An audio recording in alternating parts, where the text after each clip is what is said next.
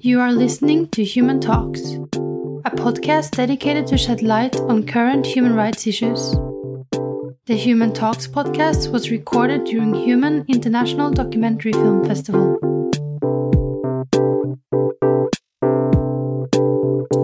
Good evening, everyone. Uh, it's so great to see so many of you here today. My name is Zainab Ali, and I am the director of uh, SPACE, the Syrian Peace Action Center. We are collaborating with Norwegian Helsinki Committee and Human Festival on this uh, event today.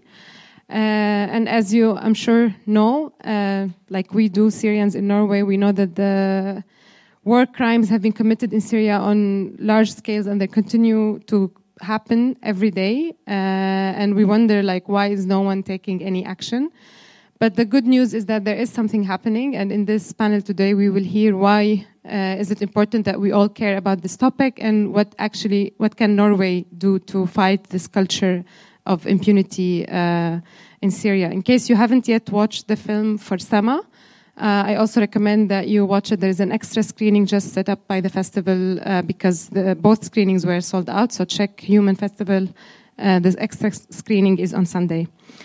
Um, this panel today will be uh, kind of four sections. I will just introduce the first two sections and then I'll hand it over to uh, uh, Stig Arild. Uh, for now, we will have a very short introduction by a Syrian British barrister and legal expert, Ibrahim Al-Ulabi, who will give us a little bit of background and context on war crimes in Syria. Please, Ibrahim.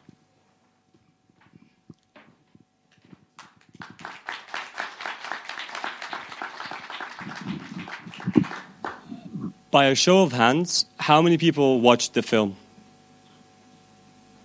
Okay. And a few of you are just here for the debate and the, and, and the discussion. I wonder how many of you asked yourself, how is this still happening?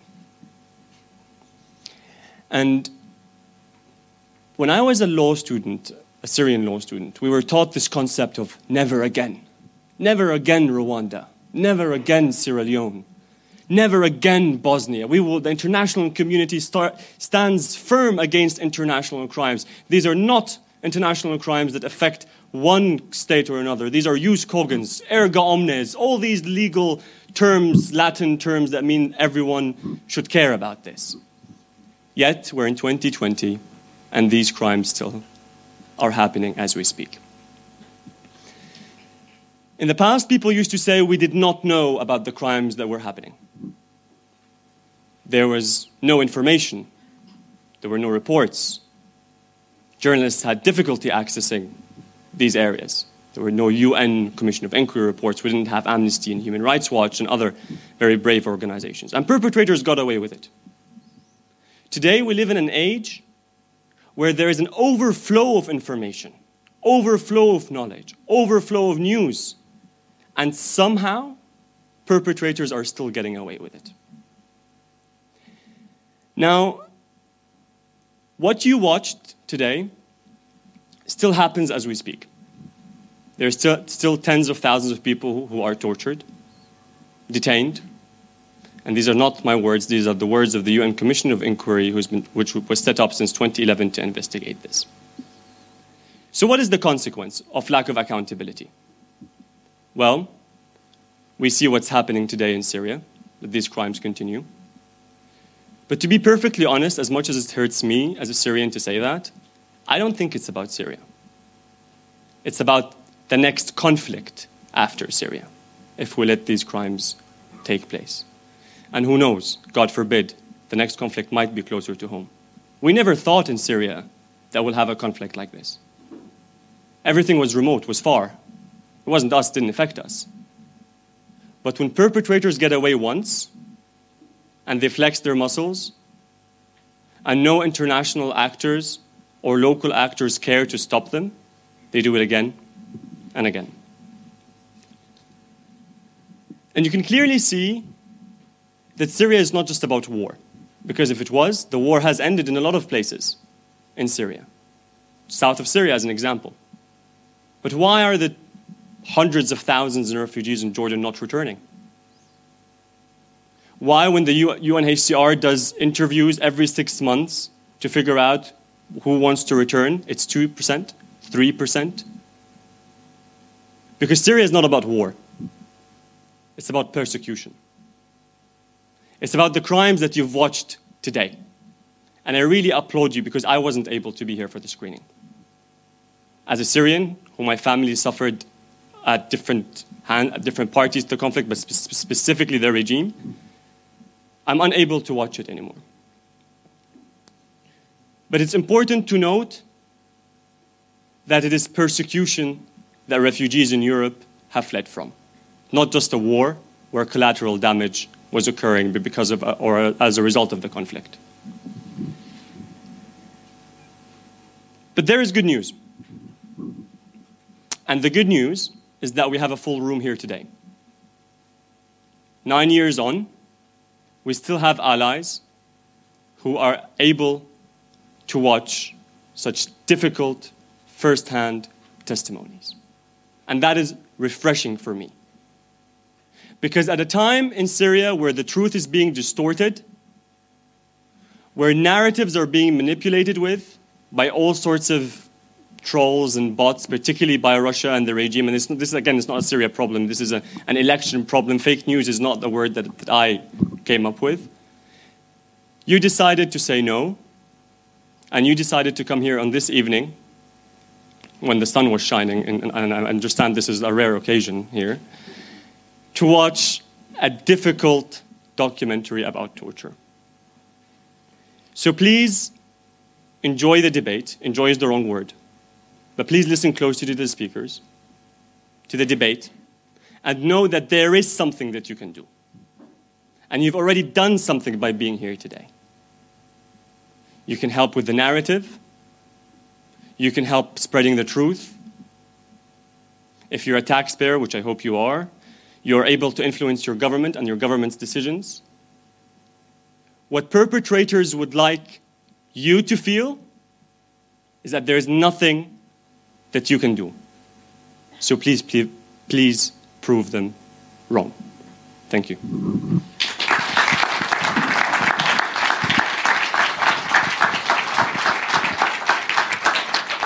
Thank you, Ibrahim. And I know you will join the discussion as well later, so we'll get to hear more. Um, so as much as as much as this is actually an international uh, humanitarian law issue, as much as it is actually a domestic issue for Norway, I don't know how many of you know how many Syrians live in Norway today. Just like a hint, Syrians, uh, the number of Syrians in Norway have actually, how do I say this number? Have increased 30 times since 2011. So Syrians are the largest uh, growing minority in Norway. Today, there are around 30,000 Syrians living in Norway. Compared to 2010, there were 1,000 Syrians. Many of those who live here today have either been tortured or survived uh, another persecution, as Ibrahim said, or had one family members uh, who was tortured or even died under torture in Assad prisons. And we are lucky that there were five Syrian uh, plaintiffs, survivors, who were brave enough to actually give their testimony and file uh, and make this file to give this file to the Norwegian police. And one of them is with us today, uh, Lawrence uh, Ali, who lives in Trondheim, and he will address us in Norwegian to tell us why. Yeah, please, Lawrence, you can tell us what what do you want to say and talk to the audience.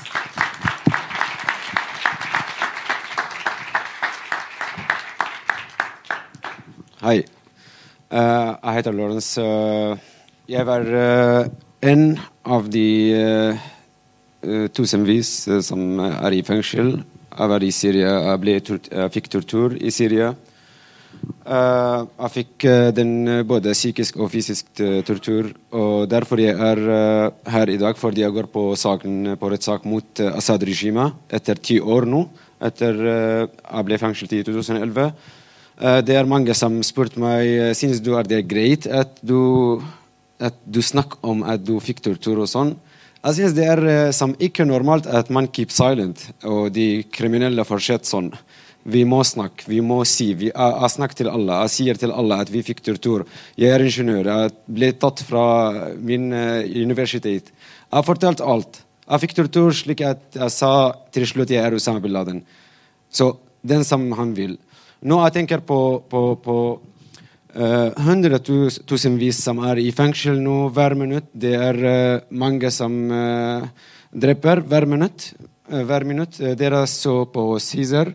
Eh, og de som ikke dreper, de som er ute eh, Jeg er heldig. Jeg er her i Norge. nå nå jeg har familie og har alt, men eh, det er mange som eh, eh, mister hånd eller legg eller øye eller eh, noe ting. Så eh, de trenger hjelp, vår hjelp, vi som det. Og vi trenger deres hjelp. Vi trenger det internasjonale uh, community eh, hjelp. eh, Norge. Jeg tror på Norge, egentlig. Jeg tror at eh, Norge den er eh, hovedstaden til frihet og eh, demokrati. Og eh, jeg tror at eh, alle skal hjelpe de som er i fengsel nå. Dere alle så film nå. Det er Mazen Hamada. Husker du dere ham? Den personen to dager, tre dager siden han ble reist til Syria eller kidnappet av syrisk ambassaden i Berlin. Den personen han er syk, han er psykisk syk, skikkelig psykisk syk. Eh, den personen ble misbrukt av syrisk ambassaden i Berlin. De tok ham, og han forsvant fra flyplass i Damaskus. Enda. Ingen som vet hvor er han. Så den regimen han, han f- følger oss selv om vi er i Europa her. Vi er redd. Jeg går på rettssaken. Neste dag jeg fikk, eh, eller på samme dag jeg fikk trussel gjennom Facebook. Så den regimet er kriminell. Jeg håper at, eh, at den regim eh, Jeg håper at å se Assad eller de som store general på domstolen her i Europa. Tusen takk.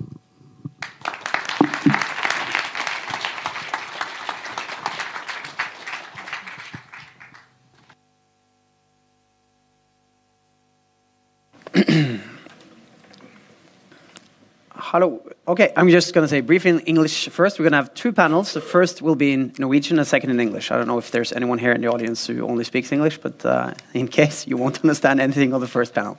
Um, så da kan de tre første panelistene vær så god bare komme opp her og ta plass sammen med meg.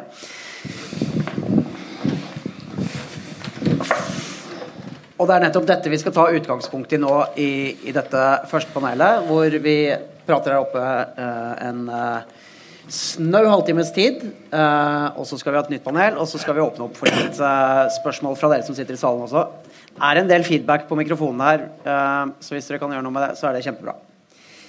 For, for ca. tre måneder siden så gikk altså fem syriske flyktninger her i Norge til norsk politi med en anmeldelse av ni navngitte personer høyt oppe i det syriske myndighetsapparatet.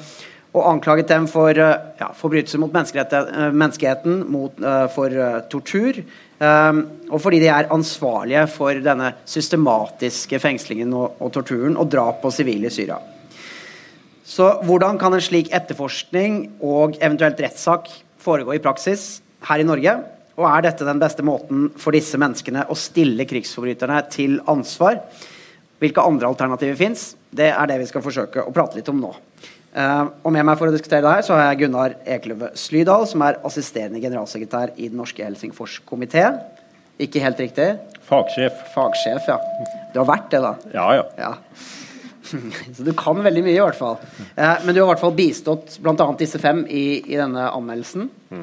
Eh, advokat Brunulf Risnes, som har vært involvert i flere saker knyttet til etterforskning av utenlandske krigsforbrytere her i Norge. Og Sofie Høgestøl, som er førsteamanuensis ved eh, juss ved Universitetet i Oslo. Velkommen, alle tre. Um, Gunnar, jeg vil starte med deg, siden, uh, siden jeg til og med kom med feil tittel. Nei da. Uh, Fortell meg litt først hvordan dere har organisert det her arbeidet med å komme fram til en sånn anmeldelse av disse ni personene i Syria Uh, på vegne av Lawrence eh, annet, og, og de fire andre. Eh, hva mener dere at, at norsk politi skal gjøre med disse anmeldelsene? Eh, For det første så vil jeg si at dette var et ganske stort samarbeid. Eh, Helsingforskomiteen kunne ikke ha gjort dette alene. Det er en, en tysk organisasjon som var veldig tungt involvert. Og så er det også syriske organisasjoner. For oss er Syria et litt nytt område. Men vi har erfaring med krigsforbryterproblematikk fra mange andre områder. Så vi ble faktisk spurt om vi kunne være med og tilrettelegge for disse anmeldelsene. Og da brukte jeg vel ca. ett sekund på å si ja. Fordi dette er så viktig. Eh, vårt utgangspunkt var jo det som skjedde i, i Bosnia, i Rwanda og også i krigsområder i, i Nord-Kaukasus. Eh, og i de situasjonene så var det faktisk rettsoppgjør. I Rwanda et veldig omfattende både internasjonalt og nasjonalt rettsoppgjør, og i Bosnia hadde hun en egen FN-domstol. Og Vi hadde ikke studert Syria veldig grundig, men vi hadde fått med oss enormt omfattende overgrep. Både begått av regimet og ulike andre aktører. Så når vi sa ja, så tenkte vi at vi kommer jo ikke til å utrette enormt mye, men det er behov for at noen gjør noe. Og vi tenkte at Norge har en veldig sterk posisjon internasjonalt, både som en stor humanitær aktør, jeg tror Norge er det landet som er på femteplass når det gjelder å gi humanitær hjelp i Syria. Både gjennom FN og norske organisasjoner. Men Norge har også en sterk posisjon når det gjelder å støtte rettsoppgjør. Vi tror på det. Det er helt nødvendig i en konflikt og etterpå at de som har begått og gitt ordre om alvorlige forbrytelser, må straffes. Det som er gunstig når det gjelder Syria, er at det finnes masse dokumentasjon av det som har skjedd. Det er veldig ugunstig at det er så mye å dokumentere, men det finnes eh, masse dokumentasjon som syriske organisasjoner har eh, fått tak i, som FN har eh, samla, og som det er mulig å bruke når man skal lage rettssaker mot navngitte personer.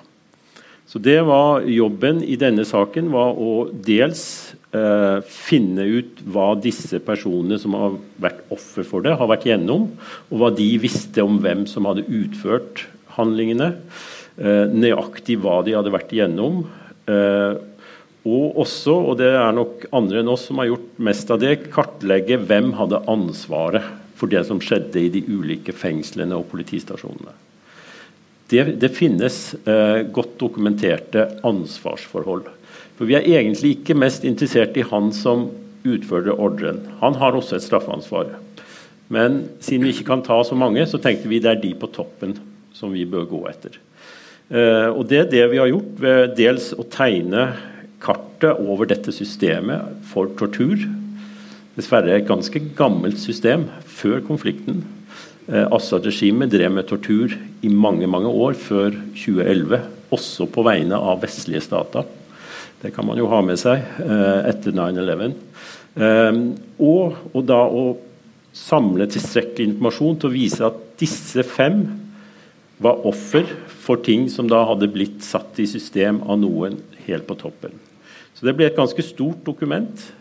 Uh, og vi måtte jo selvfølgelig også hadde et team i Helsingforskomiteen som hjalp til med det, å tegne og forklare hvordan norsk lov kunne brukes i disse sakene. Hadde Norge det som på fint heter jurisdiksjon, domsmyndighet, kunne vi strekke den helt ned til Syria. Og Vi argumenterte sterkt for at det kunne vi.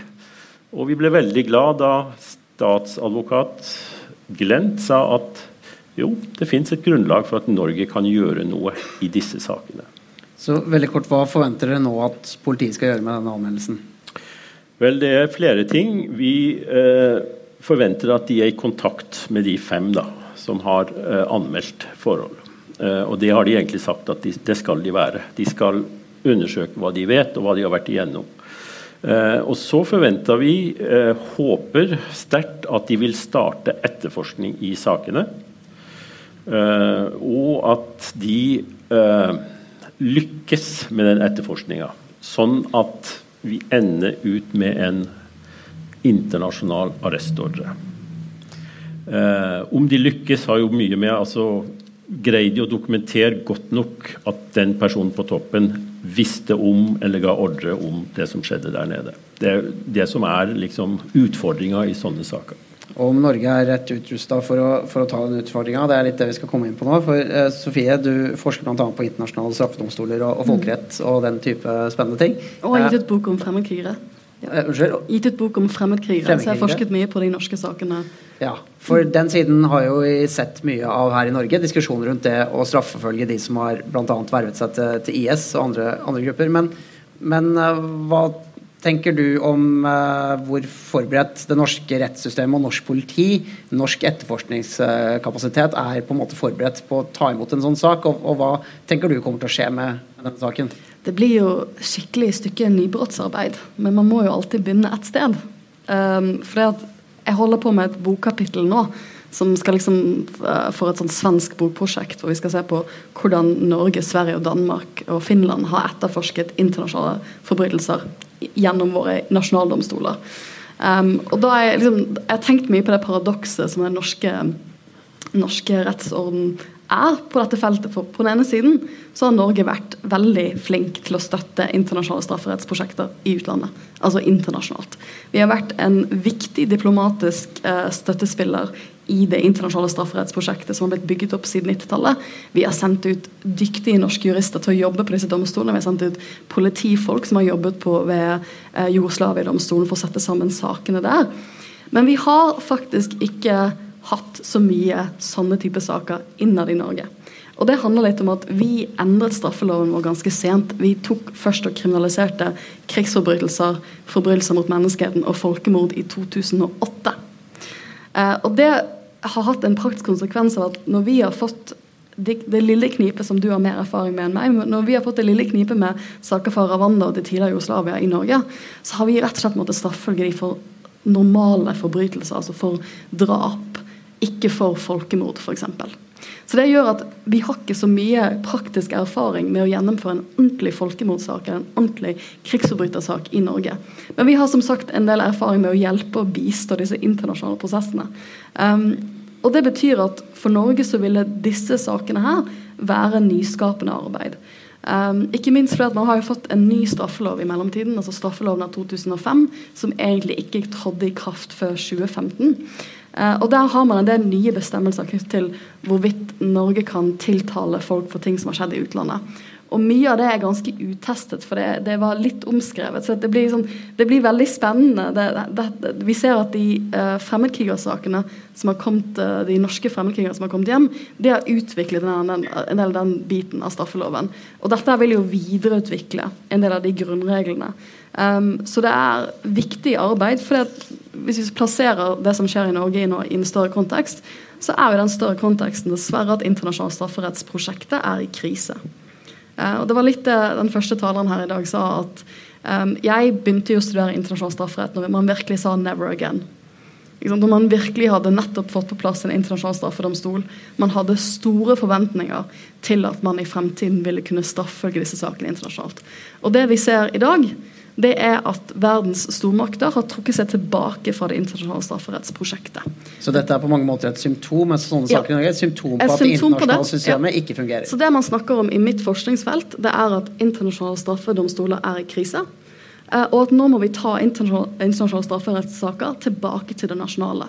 For tradisjonelt, før 90-tallet, så var de få sakene man hadde i verden, de var gjennomført gjennom ordinære uh, domstoler. Altså domestic courts. Så Det er jo der internasjonal strafferett kommer fra på noen måter. Så nå må vi ta de sakene som vi helst skulle løst ved en internasjonal straffedomstol, de må vi bruke nasjonale domstoler til å føre. For det er, ikke, det er ikke stemning for eller kraft i systemet til å lage internasjonale uh, løsninger i Syria, dessverre. La oss gå snart litt inn i detaljene på hvordan vi tror liksom, norske hvordan man faktisk kan få gjennomført dette i Norge. Da. Men begynner for å høre litt om din, din bakgrunn og din erfaring fra lignende saker, eh, hvis du tar, tar, med deg det. Hvordan ser du for deg at disse sakene kan, eh, kan drives fram her i Norge? Ja, jeg har jobba med sakene som forsvarer da, for folk som har vært tiltalt for krigsforbrytelser på Balkan og i forbindelse med folkemordet i Rwanda.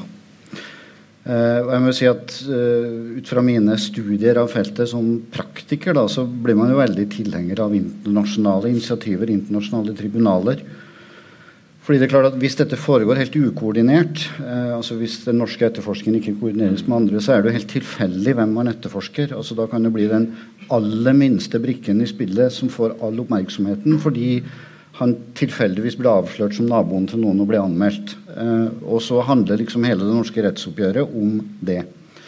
Eh, og det er ikke sånn at man ikke skal tiltale folk hvis det er sånn at de er uskyldige og de, nei, er skyldige og de bor i Norge. Eh, men jeg tror at hvis man på noen måte skal få et, et helhetlig rettsoppgjør, da, og rettsoppgjøret eller ethvert rettsoppgjør handler jo ikke bare om å straffe den skyldige, men det handler også om å gjøre noe for fremtida. Ikke minst for det landet det gjelder. Da. Men her har man jo den litt spesielle situasjonen at krigen ikke er over. Altså, det, det, vanlige i den type rettsoppgjør er jo at noen har vunnet krigen, og sånn sett dikt, dikterer også rettsoppgjøret. Helt fra Nürnberg og frem til i dag så har alle de rettsoppgjørene vi kjenner til, har foregått i ordnede former, så å si, med at seierherren, altså den som han som vant krigen, har diktert premissene. Når det gjelder Norges innsats, er nok den i noen grad prega av større vilje enn evne. Eh, og som du Sofie var inne på, så gikk det jo som et sjokk opp for oss i sånn rundt 2006-2007, da, da, vi skulle sette i gang med etterforsken. Sånn vi hadde jo ikke noe krigsforbryterlovgivning i Norge. Og vi var kanskje den, omtrent den eneste i Europa som ikke hadde det. Eh, og det ble jo da ganske pinlig, fordi vi hadde noe gått ut med nokså høy profil på at vi skulle, være, at vi skulle ha en sentral rolle i, i, i den, den, type arbeid. Eh, sånn at, og Som du også er inne på, så har vi ikke all verdens erfaring. altså Vi har disse helt konkrete sakene i forbindelse med én sak på Balkan og et par saker i Rwanda. Men noe sånn stor kompetanse på dette området har vi vel ikke. sånn at Sett fra, hvert fall fra mitt synspunkt som forsvarer, så vil jeg tro at alt vi kan få til av internasjonal koordinering, er av det gode. Og at det foregår en eller annen form for koordinering internasjonalt på hvem man etterforsker, og hvordan man etterforsker. Men det er klart at det initiativet som er tatt nå, har jo en verdi i seg selv. fordi Eh, og det ble jeg jo veldig glad når jeg hørte om. altså Hvis du sammenligner med rettsoppgjøret, enkelte av de store rettsoppgjørene, f.eks. de i Afrika, sånn som Rwanda eller Sierra Leone, så er jo de prega av at det ikke finnes noe annet enn vitnebevis. Altså Det finnes ikke et eneste dokument i Rwanda uh, som viser noe som helst. Det er bare vitner som sier at 'han var der, han var der, han var der ikke', 'han var der, han var der ikke', men han var der. Det er bevisbildet, og veldig vanskelig å forholde seg til. og Derfor er det jo veldig viktig det arbeidet som ble gjort av han etterforskeren som vi skal filme, at man kom inn og får samla dokumentene. Mm. Fordi det er helt åpenbart at det vanligvis er sånn at gjerningsmennene ofte skriver den historien som til slutt feller dem. Eh, og Nürnberg er jo det mest berømte eksempelet. Men, men, i den grad det er stater, så vil statene normalt ha med seg et byråkrati også. Eh, og sånn, så, sånn sett så motarbeider de seg selv. Da. Man kan si mye rart om Bath-regimet, men at de er gode på dokumentasjon, det skal de åpenbart ha. Ikke sant? Eh, og Gunnar, jeg vil at du skal følge opp litt på det Brynjulf sier her om internasjonalt samarbeid. For, for, det er jo ressurskrevende at mange land rundt omkring i verden skal sitte og gjennomføre sine etterforskninger når den kunne vært et, et samla løp i en internasjonal domstol. Eh, hva tenker du om den den innsigelsen og den utfordringen der? Ja, jeg tenker at det er delt. Det er helt riktig at Norge alene, det, det ville bli litt spett. Men det er jo heldigvis sånn at uh, man har begynt etterforskning mange andre steder også. Tyskland, Frankrike, Sverige, Sveits, Østerrike. Det finnes uh, allerede mange saker som er ganske godt forberedt. Men Koordinerer man det arbeidet på tvers av landet? Jeg tror, eh, jeg kan ikke si så detaljert hvor godt det er koordinert, men det finnes fora hvor statsadvokater fra disse ulike landene møtes og diskuterer. Så det gjelder å utnytte hverandres kompetanse. Og så er det én sak som er viktig. Det er jo nettopp toppnivået man er interessert i. Og veldig mange saker går jo dit. Fordi eh, de dekte store deler av dette bildet, i hvert fall når vi snakker om Assad-regimets tortursystem. Så da tenker jeg at i de sakene som handler om disse sjefene for de ulike avdelingene som drev og driver med den torturen, så må det ligge til rette for samarbeid. Fordi en sak her og en sak i Sverige og i Tyskland handler til syvende og sist om de samme eh, ansvarlige. Hva tenker du om det argumentet at det blir litt tilfeldig da, hvem som blir eh, gjenstand for etterforskning eh, når det handler om hvem man altså som Brunner sier, hvem man kjenner igjen på bussen, eh, hvem som har reist til et europeisk land, at det ikke nødvendigvis er et system i hvem som blir etterforsket, eller hvem som blir tatt? I, i det prosjektet som vi har vært med på i, i, forhold til Syria, så er det ikke tilfeldig. Der, der, har man analysert hvem er det som er mest ansvarlig for et Hvor langt oppe snakker vi? Hvor... Da snakker vi om ledere av ulike sikkerhetstjenester ledere av fengselssystemer, de som sitter og har det endelige ansvaret for det som skjer der, som enten skal vite at nå begås det krigsforbrytelser eller tortur, eh, eller som har gitt ordre om det. Som har skapt den politikken i de institusjonene som fører til alt, eh, alle de forbrytelsene. Så Det handler ikke om at man kjenner igjen noen på gata, det handler om at man har analysert systemet. Og det er jeg veldig tilhenger for jeg er enig med Brynjulf, det blir ofte litt tilfeldig. Men akkurat dette initiativet det er et forsøk på å gjøre noe med det. da. Eh, Sofie, er det der vi går, mot en sånn hybridløsning hvor kanskje ikke de internasjonale straffedomstolene med pomp og prakt som ikke klarer å dømme noen vi har sett tidligere, og eh, de nasjonale som hver for seg funker kanskje ikke så bra, men at man må finne en eller annen sånn koordineringsgreie mellom landene hvor de kan gjøre det her sammen? Ja, jeg, jeg, tenker også det er viktig å ha tidsperspektiv i minnet her. For det at internasjonale straffeoppgjør tar lang tid. Man skulle ønske at de ikke gjorde det. Men faktum er jo at man fortsatt holder på å, å, å etterforske og straffølge saker fra Jugoslavia. Så man må ha et langtidsperspektiv her. Så det kan godt være, hvis man er optimistisk, at man ser at dette initiativet her vil føre til en del saker. Og når man får en slutt på Syria-konflikten, når den dagen kommer, og det kanskje er et litt annet handlingsrom internasjonalt, så kan man se internasjonale løsninger som, som blir mer hybriddomstoler, som kan ta et større sjikt saker. Men jeg tror at eh, det som egentlig Vi snakker ofte om Ravanda og Jugoslavia eller særlig av Jugoslavia, som det har vært én prosess i FN men, eh, gjennom den FN-domstolen. Men i Jugoslavia så har man hatt masse forskjellige mekanismer. Man har hatt lokale eh, domstoler i de tidligere landstatene i Jugoslavia. Man har hatt denne internasjonale FN-domstolen, og nå har man The Kosovo Chamber. Så man har liksom sånn masse forskjellige rettsmekanismer sammen. Og så har jo vi, eh, mange europeiske land, ført eh, en del enkeltsaker for sine domstoler. Og jeg tror at det lappeteppet med forskjellige løsninger, det er også det man trenger i Syria. For det er en såpass langvarig og stor konflikt at man vil trenge mer mekanismer. Men man får ikke på plass de internasjonale mekanismene sånn som situasjonen er i dag. Men hvor er det beste eksempelet på at man har fått til en viss grad av Altså, det minst det, det dårlige, da. Det minst dårlige er det et beste eksempel. Um, jeg, jeg, tror nok at um, det er, tross at, at, er, at, man selvfølgelig kan være kritisk, så tror jeg nok at uh, rettsoppgjørene i det tidligere Jugoslavia har vært de mest uh, de mest sammenfattende, da, i og med at man har hatt forskjellige typer lag. altså Problemet i, i Sierra Leone for eksempel, var at man egentlig bare etterforsket og tiltalte topp 12-13 personer. Og så var det ingen andre straffesaker. Altså, når jeg var der, så var det veldig interessant å, å være i et land hvor eh, man kjente jo ofte folk som hadde vært med på ganske grove krigsforbrytelser, men man hadde jo bare tatt virkelig toppsjikt og ingen andre. Mm. Og det er litt altså,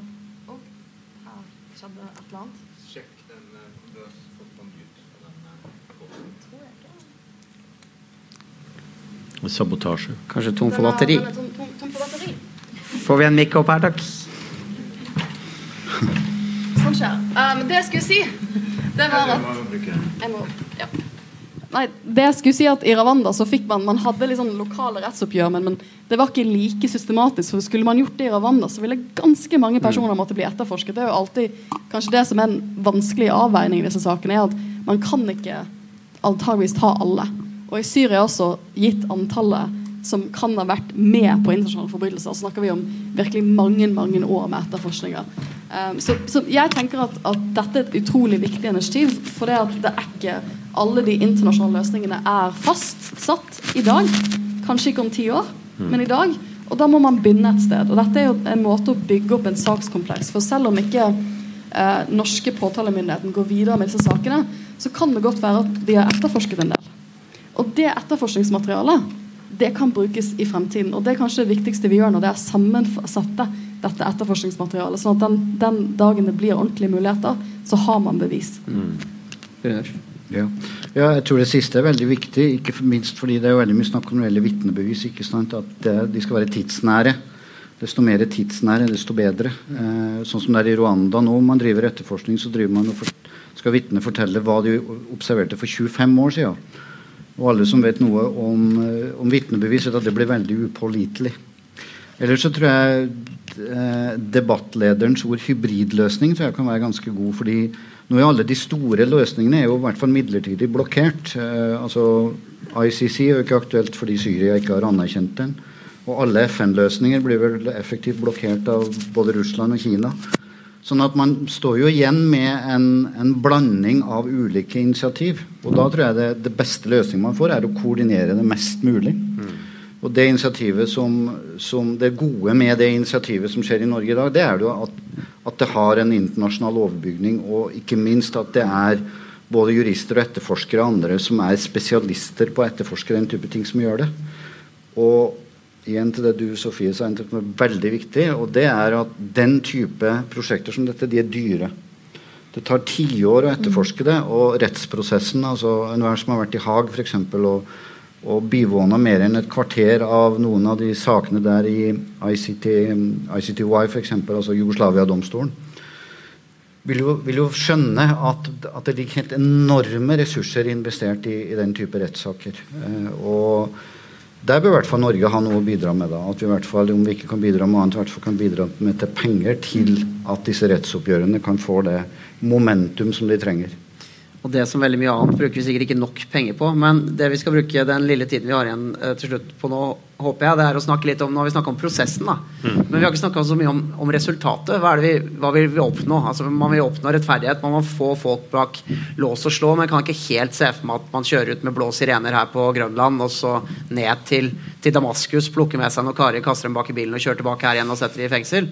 Så hva er det man klarer å oppnå da med, med en sånn anmeldelse her i Norge av syriske borgere som er i Syria, blir beskytta av et regime, blir beskytta av viktige internasjonale allierte som, som Russland, som Iran. Mm. Hva i huleste er det man skal oppnå med dette, Gunnar? Uh, flere ting. Uh, selv om du sikkert har rett, de havner ikke i et fengsel i Norge. Uh, så kan det bli internasjonale arrestordrer, som betyr at disse navngitte personene ikke kan reise til et land Eller de vil ikke reise til et land hvor de frykter å bli arrestert og, og kunne bli sendt til Norge.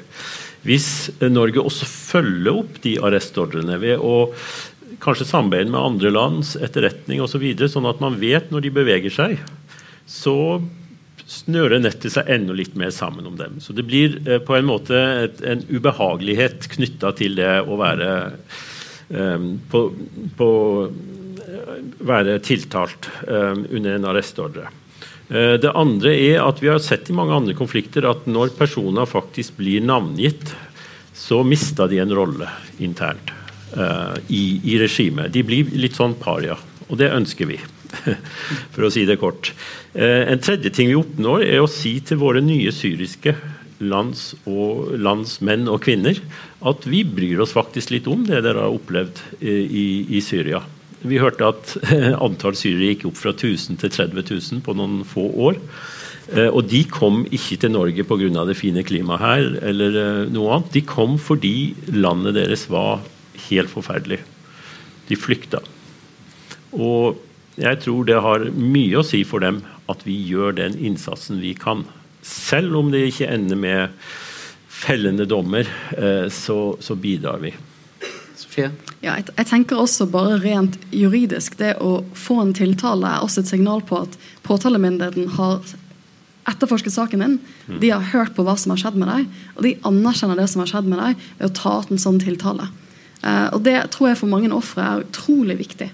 Uh, å ha sånn, et sånt konkret rettsdokument på at dette har skjedd, dette skjedde til meg, og dette gjorde du du, altså, denne personen er ansvarlig for denne forbrytelsen. her. Det tror jeg vi ikke skal undervurdere eh, viktigheten av. Og så har du selvfølgelig det at du gjør jo det praktiske livet til den personen mye mye vanskeligere. Um, og så er det klart at en, um, jeg, en av de, jeg føler at Mye av det jeg forsker på, er mange ofte konklusjoner at dette blir veldig vanskelig. En av de solskinnshistoriene jeg har forsket på siste årene, har vært um, rettsoppgjøret mot den tidligere diktatoren i Tsjad, som har pågått i Senegal. Det er en lang historie. Men der tok det, uh, det offeret hans nesten altså 20-30 år å få stilt ham for retten. Men han er nå dømt for torturforbrytelsene sine og sitter uh, og soner en livstidsdom. Um, og, og, det å få det, det, å få de første skrittene på plass at det at det ikke skjer det at, den, det at den tiltalen ikke fører til en straffesak i dag, mm. det betyr ikke at den ikke gjør det om 10-20 år. Ja. og Brynulf, hva, tenker du at disse som har gått til anmeldelse, kan, kan håpe på uh, av resultater, eller bør de ikke ha noe håp i det hele tatt? Det er vanskelig å ha noe håp om at noen blir straffet på veldig kort sikt. Men det er jo viktig at man får med, får brakt inn i det store bildet de byggesteinene som ligger i Norge. Da, og at, og at si, vitnemål sikres og kan være til bruk for andre senere. Dessuten tror jeg det er viktig det Gunnar sier at ofte kan det være andre ting enn fengselsstraff som straffer. og det er klart at det at du eh, altså Assad-regimet vil sikte mot å hva skal jeg si, vende tilbake til det internasjonale samfunnet som en slags normal stat igjen. Og det er klart at Dette kan jo da henge som en sky over, som gjør det vanskeligere, og som gjør at hvert fall det er vanskelig for de som er mest ansvarlig i disse forbrytelsene, til å fortsette å være en del av styret. Og at det kan bli kanskje situasjoner sånn som i Jugoslavia, hvor, hvor nye krefter i, i styret man skal si, så å si ofre enkelte for å få en plass i det internasjonale samfunn. Så det kan være mange mekanismer her som man ikke har oversikt nå. og derfor så tror jeg Det viktigste Norge kan gjøre, er å bygge de byggesteinene vi har, og så sikte opp mot det internasjonale samarbeidet og gi penger til det, sånn at det har høyest mulig kvalitet. Tusen hjertelig takk til dere. Da foreslår jeg at vi gir dem en liten applaus. Og så kan dere switche mikrofoner.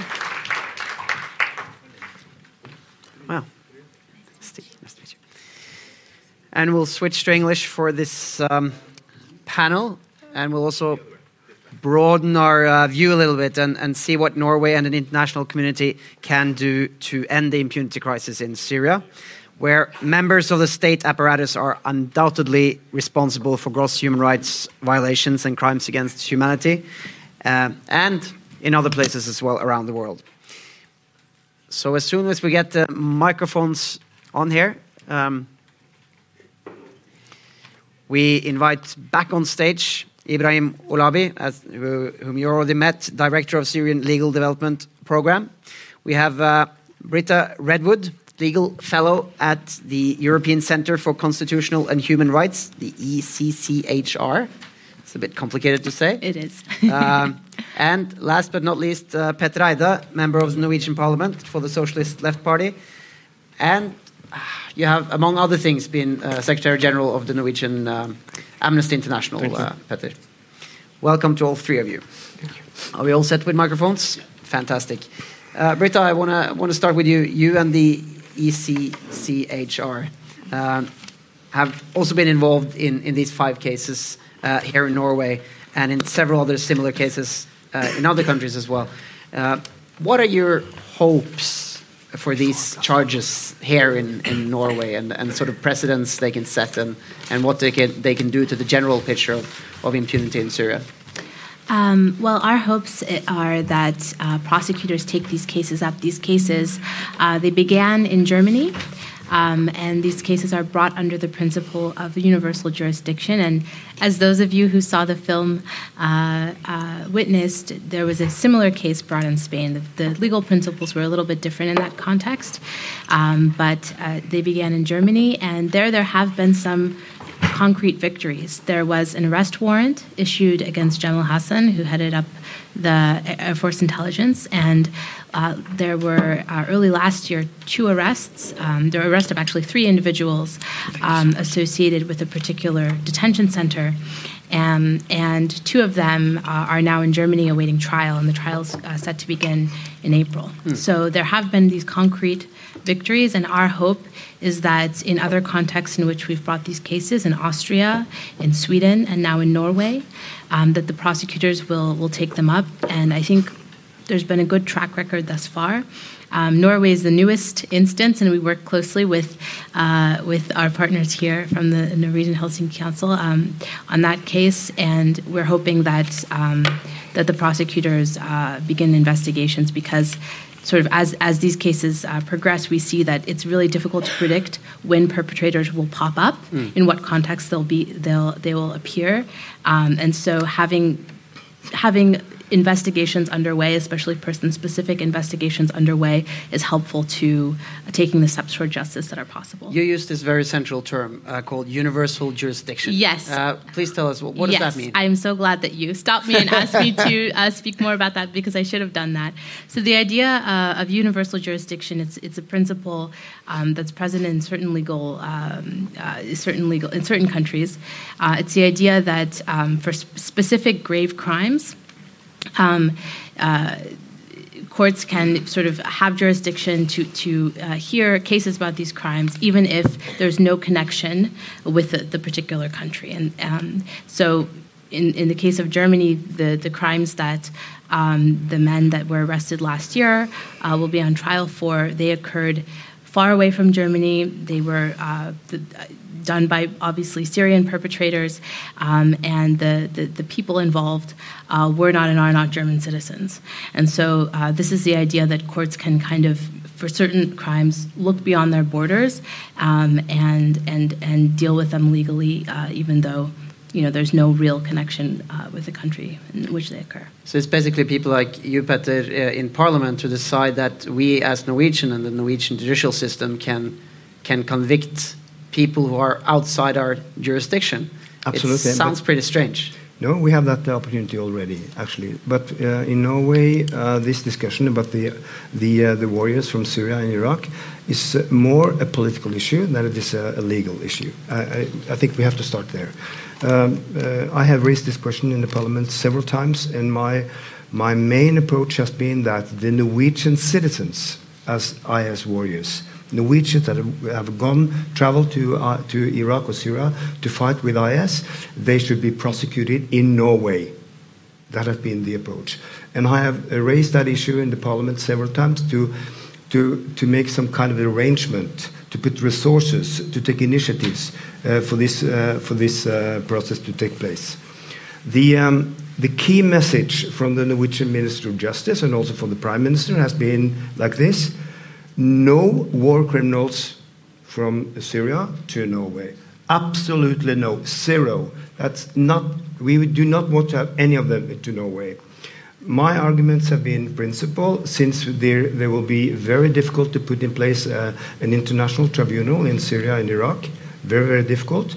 And then the second option should be that we should take the responsibility in Norway, at least to to prosecute the Norwegians responsible for, for uh, suspected war criminals.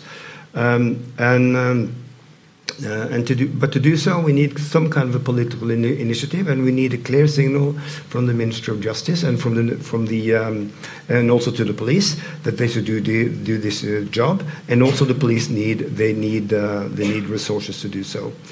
Uh, the main counter argument for this approach has been uh, just for the Norwegian audience. I'm not talking now about the IS uh, children. I'm talking about the war criminals because there's been a, for your uh, information, the main discussion has been for the for the children in the. Uh, but this is but but prior to the discussion on the children, we have also had discussion on the war criminals. The main argument for not doing so, which I've asked for, has been that no, this is dangerous. I said to bring the uh, war criminals, the Norwegian war criminals from Syria to Norway.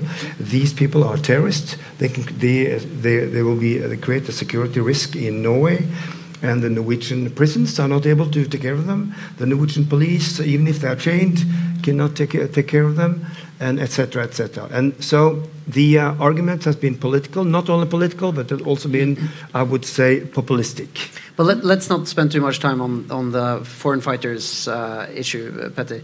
We're talking now about the Syrian regime, we, uh, Syrian refugees here in Norway, uh, pressing charges against top people in the Syrian regime. Um, here in Norway, Norwegian police trying to find out what has gone on during a war in, in Syria. Do you think that's a good approach to try to end impunity in Syria?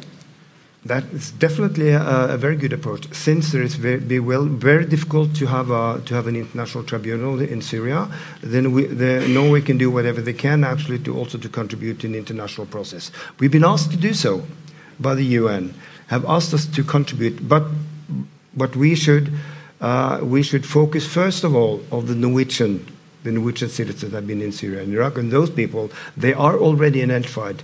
The Norwegian, uh, the Norwegian police, the um, PST in English, that's uh, Norwegian Police of Intelligence or something. They have identified 30 people had been in Syria and Iraq, and we do not know uh, how many of these people that actually are dead. And they've also issued an international warrant on 11 or 12 of them. So there is a process going on in the police, but the signal from the uh, from the government has been very, very negative, also for the poli- for the action of the police. It's quite a different discussion, though, uh, with the Norwegian foreign no, fighters. No, it's not really. It's, it's not a different um, approach because we need to start there, because the Norwegian government, we, it's, it's been totally uh, impossible to have a very proactive approach for the Norwegian government to work in Syria with, with people that are not Norwegian and bring them to Norway for prosecution. The first, the first people we need to take is those who are Norwegian. And the government has said no to prosecute them also. But that apart, I wonder what you think about the fact that I we am- are pressing charges against or trying to press charges against Syrians here in Norway. I am very Um, positive to do that. I think there is an in, uh, talking about war criminals. Uh, there is an international jurisdiction. Norway can have the opportunity to prosecute uh, whoever suspected for war criminals, even if they are Norwegians or if they are foreigners. And you believe we should do this instead of Norway spending resources on trying to set up an international tribunal for Syria? Because to set up an international tribunal will be very, very difficult. Because an international tribunal is based on uh, an endorsement, support from the Security Council, and as long as U.S. Russia has been a part of the war there, that will be more or less impossible. My approach to an international tribunal is also that uh, all parts in the war should be actually. Uh, um, part of that tribunal. That means it's not only the IS has done war criminals, also the Assad regime, uh, the US bombs has make, uh, been uh, war, um, perhaps, um, probably um, been, uh, been, been wrong. Part of that, uh, civilians are killed, etc. So um, it will be impossible to have an international tribunal, tribunal in Syria, and that's why Norway need to take part. And first of all, they should prosecute the Norwegian. And secondly, they can also look if they can also deal with others. I know uh, for you, Ibrahim and, Britta, it was a bit difficult probably to, follow the previous panel, uh, but we talked a lot about how some have lost faith in, in these uh, international tribunals. They haven't been too successful, and, and that uh, sort of a hybrid solution where some countries go through their own jurisdiction but cooperate uh, to try to go after these war criminals might be, be an option. Uh, and Ibrahim, how, how do you see um, what kind of role can Norway play, for example, in, in trying to put these people to justice? Sure. So, first of all, I think it's important to be victim centered. And that's why it was very good to hear from Lawrence today that you know there is this is someone who is here, who's you know who's seen it, who's who's, who's been uh, uh, through it. Um, we need to do what we can. I think Norway needs to do whatever it can because when Norway promotes Western values and Western ideals and calls for human rights, and then you have a rogue state or non state actors that are breaching these principles, uh, this is not a message to Syrians. This is a message to Norway.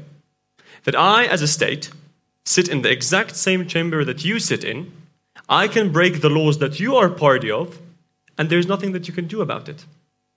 And so every single state that is party to the Geneva Convention, that is party to the UN Charter, that talks about human rights, is concerned. Now, what could be done requires political will. And that's what has been lacking in, in, uh, in Syria. So, a coordinated mechanism is a good idea. But it's not just about court processes and judicial processes to hold perpetrators to account. The very least, what could be done is at least to get the narrative and the truth straight in light of the disinformation campaign. Because without that, prosecutors, at least in the UK, for example, when we approach them, they tell us, you know, we really care about Syria, but we have this much money allocated to us per year, and it's taxpayer money. And for me to justify it to work on someone who may or may not be ever arrested, I need the public to be interested in this. So that they say, yes, go forward, spend our money. This is something worthy of working on. And with the continuous Russian disinformation campaigns, where no one knows anymore what's happening in Syria. I mean, my compass used to be taxi drivers in the UK. Taxi drivers and barbers know everything. You start the conversation. In 2012, you used to ask them, they'll tell you approximately 90% what's happening. People took it to the streets, uh, a repressive regime. Um, this then tur- turned into a war. Now you ask them, absolutely clueless. So, how can we push politicians to do something if their constituents do not have their idea, an idea of what to do? And who are the constituents? You guys. It is you and your role to play this role of knowing what's happening in Syria, understanding the narrative and studying the truth. Then that sets the basis for Norway to be able to take more steps in terms of accountability against all perpetrators, regardless of you know, where they come from. And I get the narrative of you know, prosecuting Norwegians and, and, and, ISIS fighters. And I think, you know, I suffered, my family, my father suffered at ISIS. He was kidnapped and we didn't know where he was for a very long time. But the risk is, if that we focus the narrative just on ISIS fighters, that we're playing exactly into the, crime, that, the narrative of the regime, that it's all about ISIS, and the Syrians fled ISIS. Well, ISIS is gone now, largely in Syria. Why are people not returning? Why is there still a conflict going on? Why was Ma- uh, Mazen arrested when he, when he uh, went back to Damascus? And so, while maybe procedurally, politically, it, it might be a starting point, because yes, there are a, a lot of uh, uh, victims uh, with ISIS, the narrative, the, the, the, statements need to be that this is the, the vast majority of deaths, of deliberate deaths, were not caused by ISIS, but this is where we're going to start for X and Y uh, reason. And with this uh, sort of loss of patience with international tribunals and uh, more and more countries stepping up, like you're you're saying, uh, Ibrahim, to say that you know we we are taking charge here. Uh, what kind of international coordination mechanisms are there, or do we have them that could actually coordinate between the countries and, and actually make this much more efficient? Do we do we need that? Yes. Uh, well, those exist um, to some degree, and some of them were highlighted in the film. Um, the IIIM, uh, the International Independent uh, Impartial Mechanism, I may have switched a couple of the I's, uh, uh um, has been uh, gathering evidence, uh, organizing it, and building cases, and is kind of waiting um, for a place to, to, to, to bring them. Um, the Commission uh, an Inquiry uh, also um, does investigations and documents. Um, we, we saw Bill Wiley and um, in the film who is uh, working in Europe um, to gather information that he uh, and his team uh, can pass to prosecutors. And, and part of our work in bringing these complaints is trying to connect a few of these dots and indicating to prosecutors where they can go for more. Mm. Um, so I think, yeah, that's, that's all in place and it's really important. And I just want to say one thing about sort of the mood of, of when these things got created. There was a deadlock and there was. Uh, um, sort of a roadblock in terms of international cooperation. And so there was this effort to collect information for the moment in which it would become possible to use it. And we're still waiting for that moment, I think. Um, and that's why, you know, I think until maybe uh, even a couple of years ago, it was easy for countries. It was easier uh, for, for, for domestic prosecutors to sort of say, well, you know what, we're just going to wait for the perfect moment because things on, in, in Syria can change. And I think the situation has become more and more dire. And so that political will is more and more important because it seems to me that in the near term, this is the only way that these mm. cases can be brought. So, where is there need for leadership now internationally? What sort of role can Norway uh, take? Uh, where, where do you see the, the most need? Well, my hope um, is is that you know events like this and, and efforts like this, uh, getting people interested and involved and, and, and talking about these issues over time and communicating to people in decision making uh, roles that people care and that they're watching and that they remember what's going on. You know, sometimes there's a news fatigue. Um, um, so, so, I think that is that is really important because the prosecutors do have some discretion to take these things up, and if they feel like there's pressure from the public, then they're more likely to act. That's it.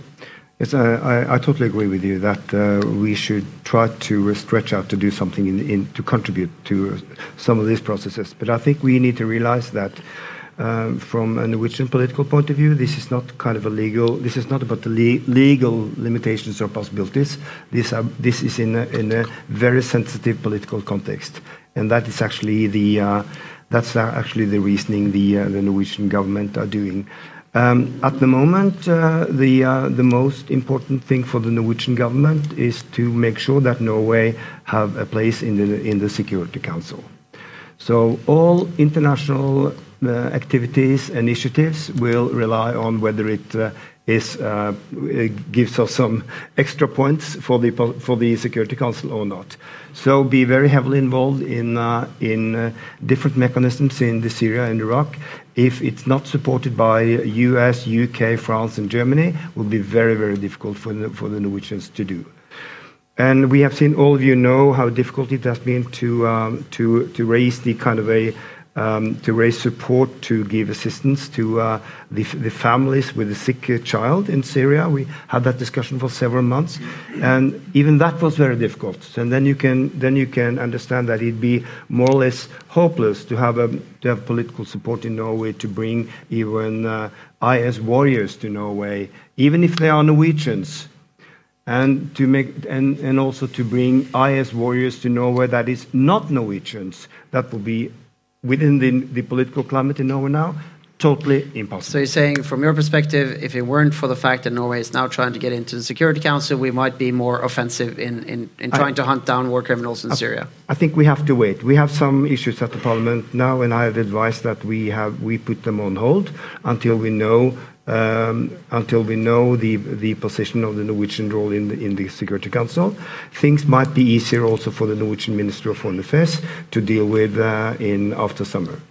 And the signals you get is that they are happy to do that once we have cleared that question. No, I don't, think so. I, but I think the uh, discussions on international politics and on this kind of initiatives um, um, in the parliament. Um, uh, the, the uh, Minister of Foreign Affairs they will advise uh, the parliamentarians from uh, from the governmental parties to be very very careful, mm. very very careful uh, until the until the Security Council uh, situation is settled. Mm. I mean. Um, I would love to support the candidacy, but I'm not a state, so there's nothing much I can do about this.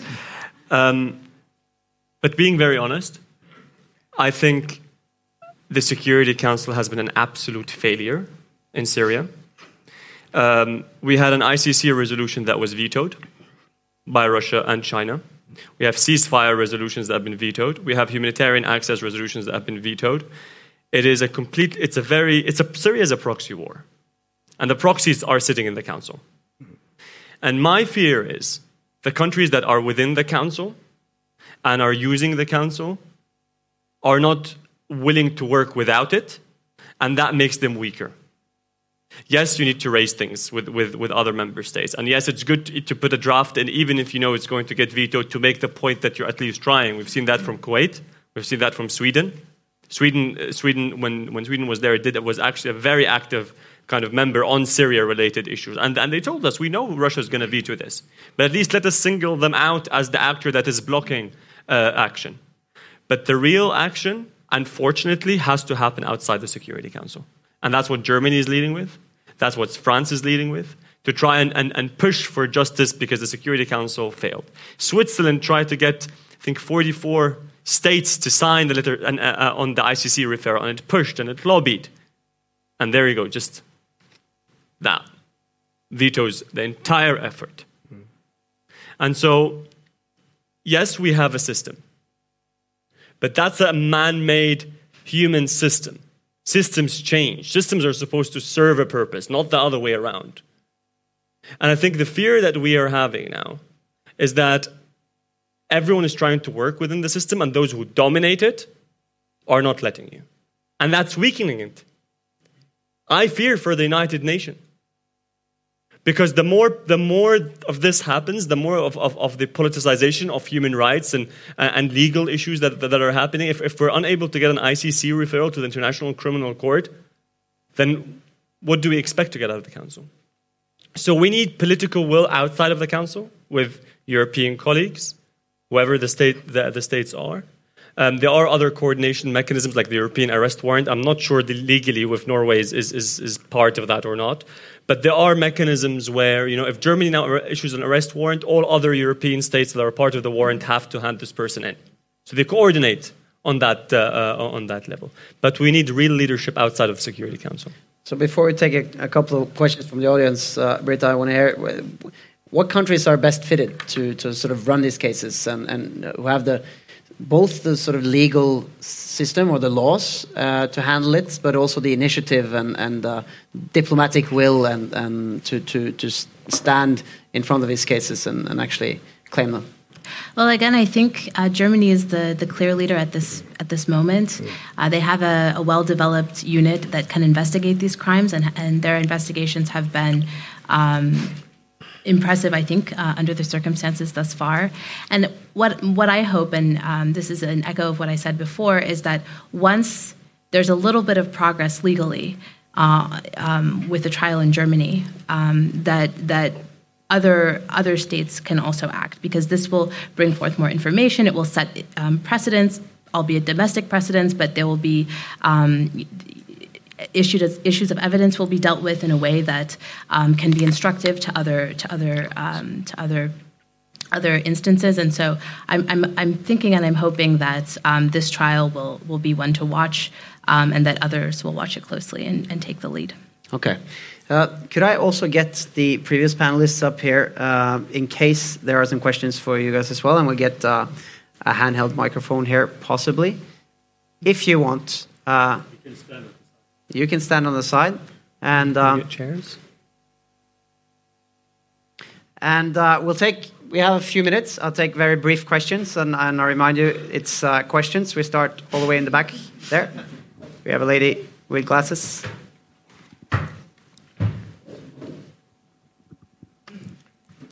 Hi. Um, And please thank you. introduce yourselves when you take the word. Yes, my name is Ella, and I'm a lawyer from Spain, and I well, I did my master's degree here in Norway.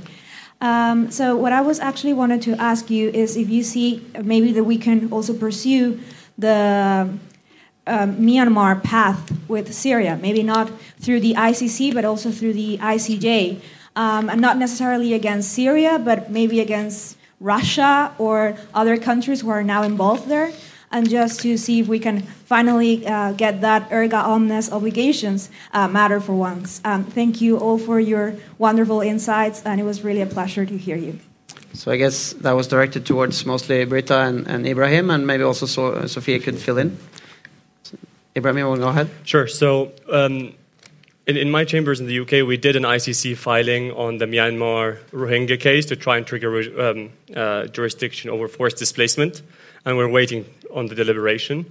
And it's, it's funny that you mentioned the International Court of Justice because we're actually also in the process of trying to find a state that has the courage of Gambia to bring a case um, against the um, against the parties who broke the torture convention. So it's definitely on our radar, and we're pushing for it. Britta? Go ahead. Yeah. No. Sophia, go ahead. Yeah, I, I think the Gambia uh, case is so interesting. I, I teach uh, public international law uh, for second year law students uh, at the law faculty. And when I brought up the Gambia case uh, at the ICC with Myanmar, the first thing they asked me, lecture hall of 200 students, the first thing they asked me is, why did Norway do this? Norway could have done this. And I'm like, yes. Why didn't Norway do this? And so I think that you have to find those, the, we have to find states who are brave enough to do what Gambia did and look at creative ways of, of bringing the Syrian case in front of the other uh, mechanisms that we do have.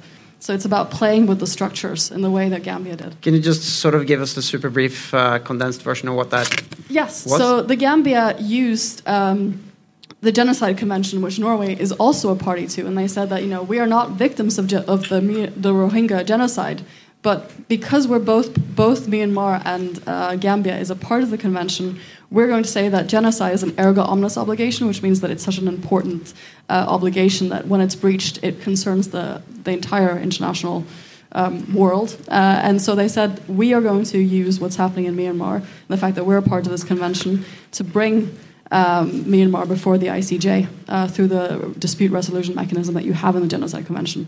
Norway could have also done, have done that, but curiously enough, we didn't. Good Um, so I think there is a very strong dissonance in Norwegian politics because I, I agree with Petter. It's a lot about politics and a lack of political courage and will.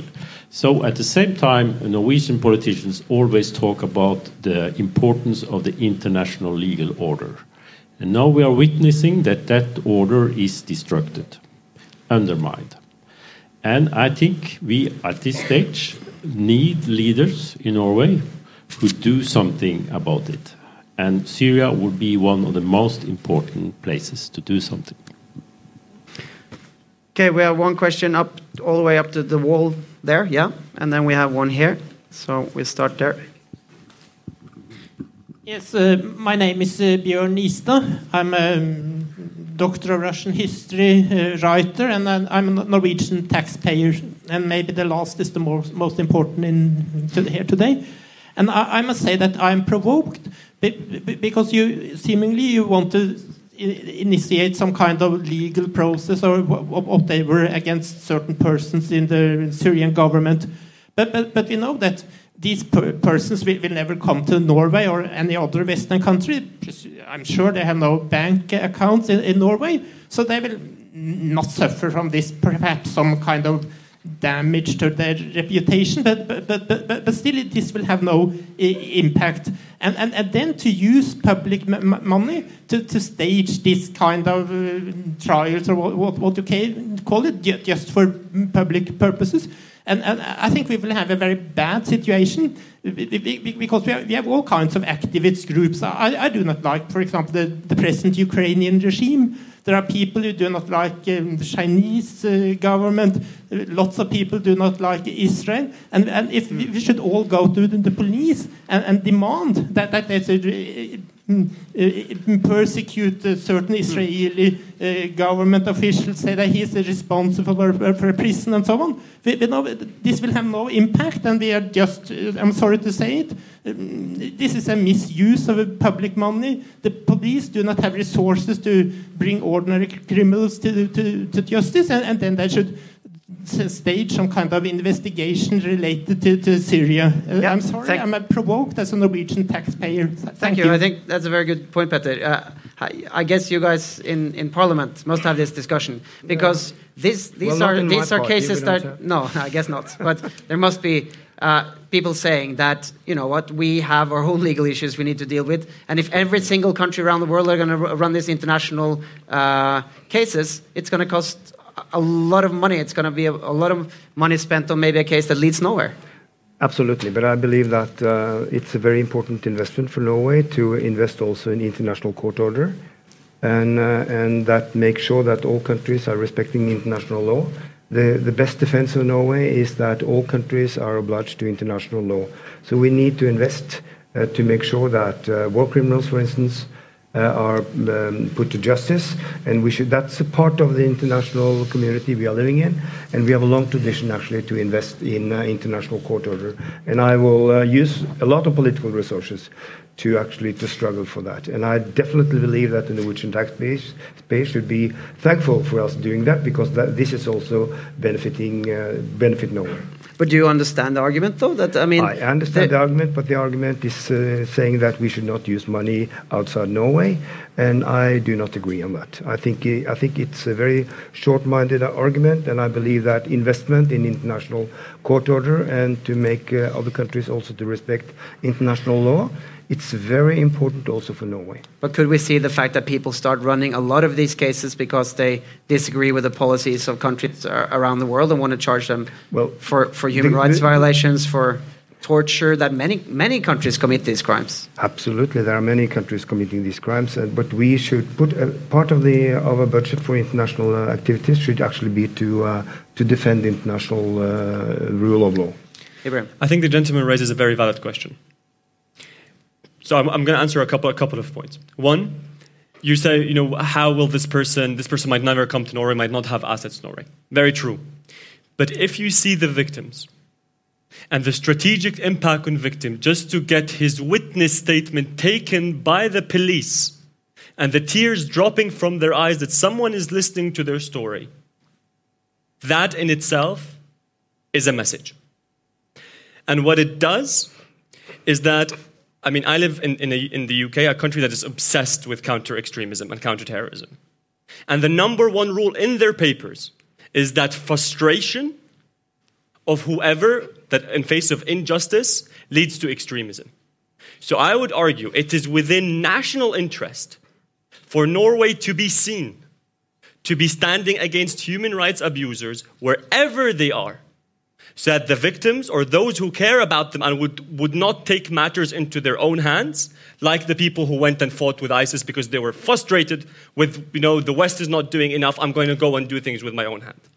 And the second point is I would disagree. First of all, I take issue with the word stage because it's not, it's not, it's not a, a you know, these are court processes. I'm sure your courts are, are very serious and very respected. But I would also caution against saying that because we disagree with systems, Syria is not a political issue. It is not Tories and Lib Dems and conservatives and Republicans and Democrats and I disagree with your tax law and you agree with, with my fiscal policies. The film was about torture. The, torture is not a political issue. Rape, sexual violence, the UN Commission of Inquiry interviewed 504 women who were sexually raped by the Syrian regime, cross checked references. This is the UN we're talking about. Rape is not a political issue. It's not a political problem that we have with one government or the other. It is individual people who commit these crimes and therefore need to be held to account one way or the other. Hmm. Britta, do you, do you meet this? Do you meet this argument a lot uh, in other countries as well? I think this is the first question that, that people have. Um, it's it, you know it's difficult to see how you can s- start investigating people who are not even in the country. Uh, but I think what we've seen is, like I said before, you never know when people will pop up. The situation changes all the time. People seek medical care. There are extradition treaties that can be utilized. Um, the situation changes, and what we want is for uh, the authorities to be in a place to hop forward um, when the situation uh, becomes favorable. And I'll just make one sort of point that sticks out to me is in the Norwegian complaint that we brought that we brought, we had five uh, com- complainants, but we had the list of perpetrators was very very long. So one person's story touches many many different perpetrators, and so so the the, the work of, of of speaking to one person um, implicates the behavior of many others. And so, you know, one person coming into Europe and being arrested is a victory in that case. Sophia. I think um, an important distinction here is that the five individuals who have brought these complaints are victims of torture themselves. And so these aren't cases that we're bringing that has no connection to Norway. They do. It's people in our country who are the victims of torture. Um, and you know, my grandfather was a prisoner of war during World War II, and he was also tortured. And I would like, if if that had happened today, I would have liked Norwegian authorities to be able to actually take that case seriously. So I think that you know, from my perspective as a Norwegian citizen, if I'm tortured abroad, I would also like the Norwegian police to investigate that case. And so for me, while I understand that there are many dilemmas tied to the idea of prosecuting these cases in other jurisdictions. Absolutely. And we can have a nuanced debate about that. But to me, it's an important principle that if you are a victim of torture, you should be able to go to your police and actually bring a complaint. Then we have a question up here. Okay. Thank you. I'm working in the adult service. You might say I met many Syrians coming to take the introduction program in Oslo, and I just want to thank for the film. And I also thought it was very strong to see how brave people were in the beginning, peacefully being out on the streets. Then I want to ask for reflection to Petter Eide to reflect a question about thinking a bit more over that. You say that Norway is in a very delicate situation and we have to be careful in a way. But I think the context around this question that you we also have to address more the war crimes going on in Idlib by Putin and Assad regime, that they have bombing for months, and we don't hear about it much from politicians. And I think maybe you can play a very important role by talking a bit more in the main news. Uh, we haven't heard about it, more or less. So that's uh, what I'm concerned about. Okay, just to clarify a possible misunderstanding, I do not agree with the carefulness that this government is doing. Hmm? Uh, I'm actually standing for the opposite. So we have raised these questions several times in the parliament and asked them for concrete actions to to deal with uh, kind of to deal with the impunity in Syria and Iraq several times. Personally, I have raised several cases in the uh, in the in the parliament, uh, actually to ask the government to be more to initiate processes to bring uh, Norwegian war criminals back to Norway for prosecution in Norway. Uh, so uh, I would say that um, uh, if I understand the question, that we have not been able to raise this debate enough in the in the public, I will take that back to my party group. We will try to do that we will try to do that again. I think we we are also the party that raised the question about the um, IS mother and her child, and we also brought that question up in the public, and also brought that question several times, twice actually, into the Norwegian Parliament. So I believe that we are trying to do this. But um, um, discussing the uh, Security Council issue, I am not one saying that we should be careful.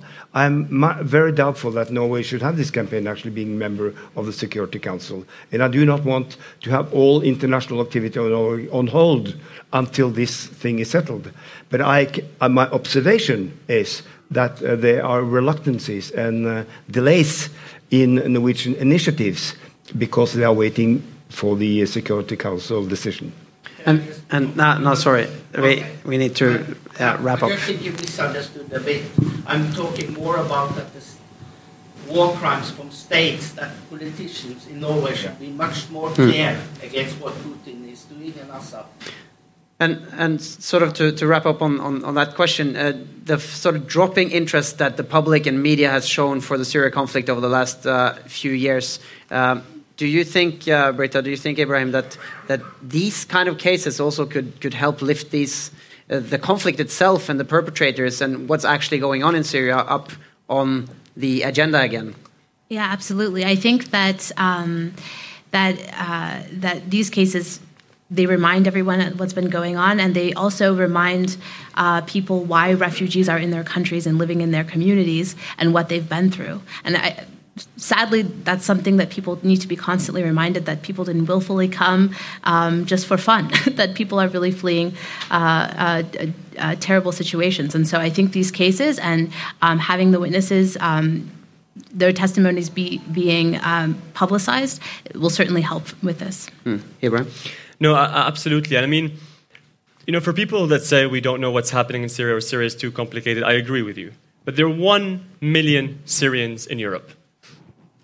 And when you speak to them, and it's so easy, I mean, you've got five brave people. It is not easy for people to go and share their story. It is not easy for Lawrence to stand here and say, I will speak again and again and again over the trauma that they've been through. But they're speaking because they have hope in you. They have hope in this government. They have hope that the country that stands for human rights and values will not let them down. If they did not have hope, they wouldn't be speaking. So please don't let them down. I think possibly that's a good place to end this. I've seen two or three more hands here, sorry, but we're run out of time. And no, sorry, we're run out of time and we have more programs here, but I recommend that all of you check out the some of these guys are going to stay here. You probably have a time to have a chat with them. And sorry. Uh, please check out the programs. Come to more films, come to more debates, and uh, thank, thank you so much for coming, so all much. of you. Give them a round thank of applause. Thank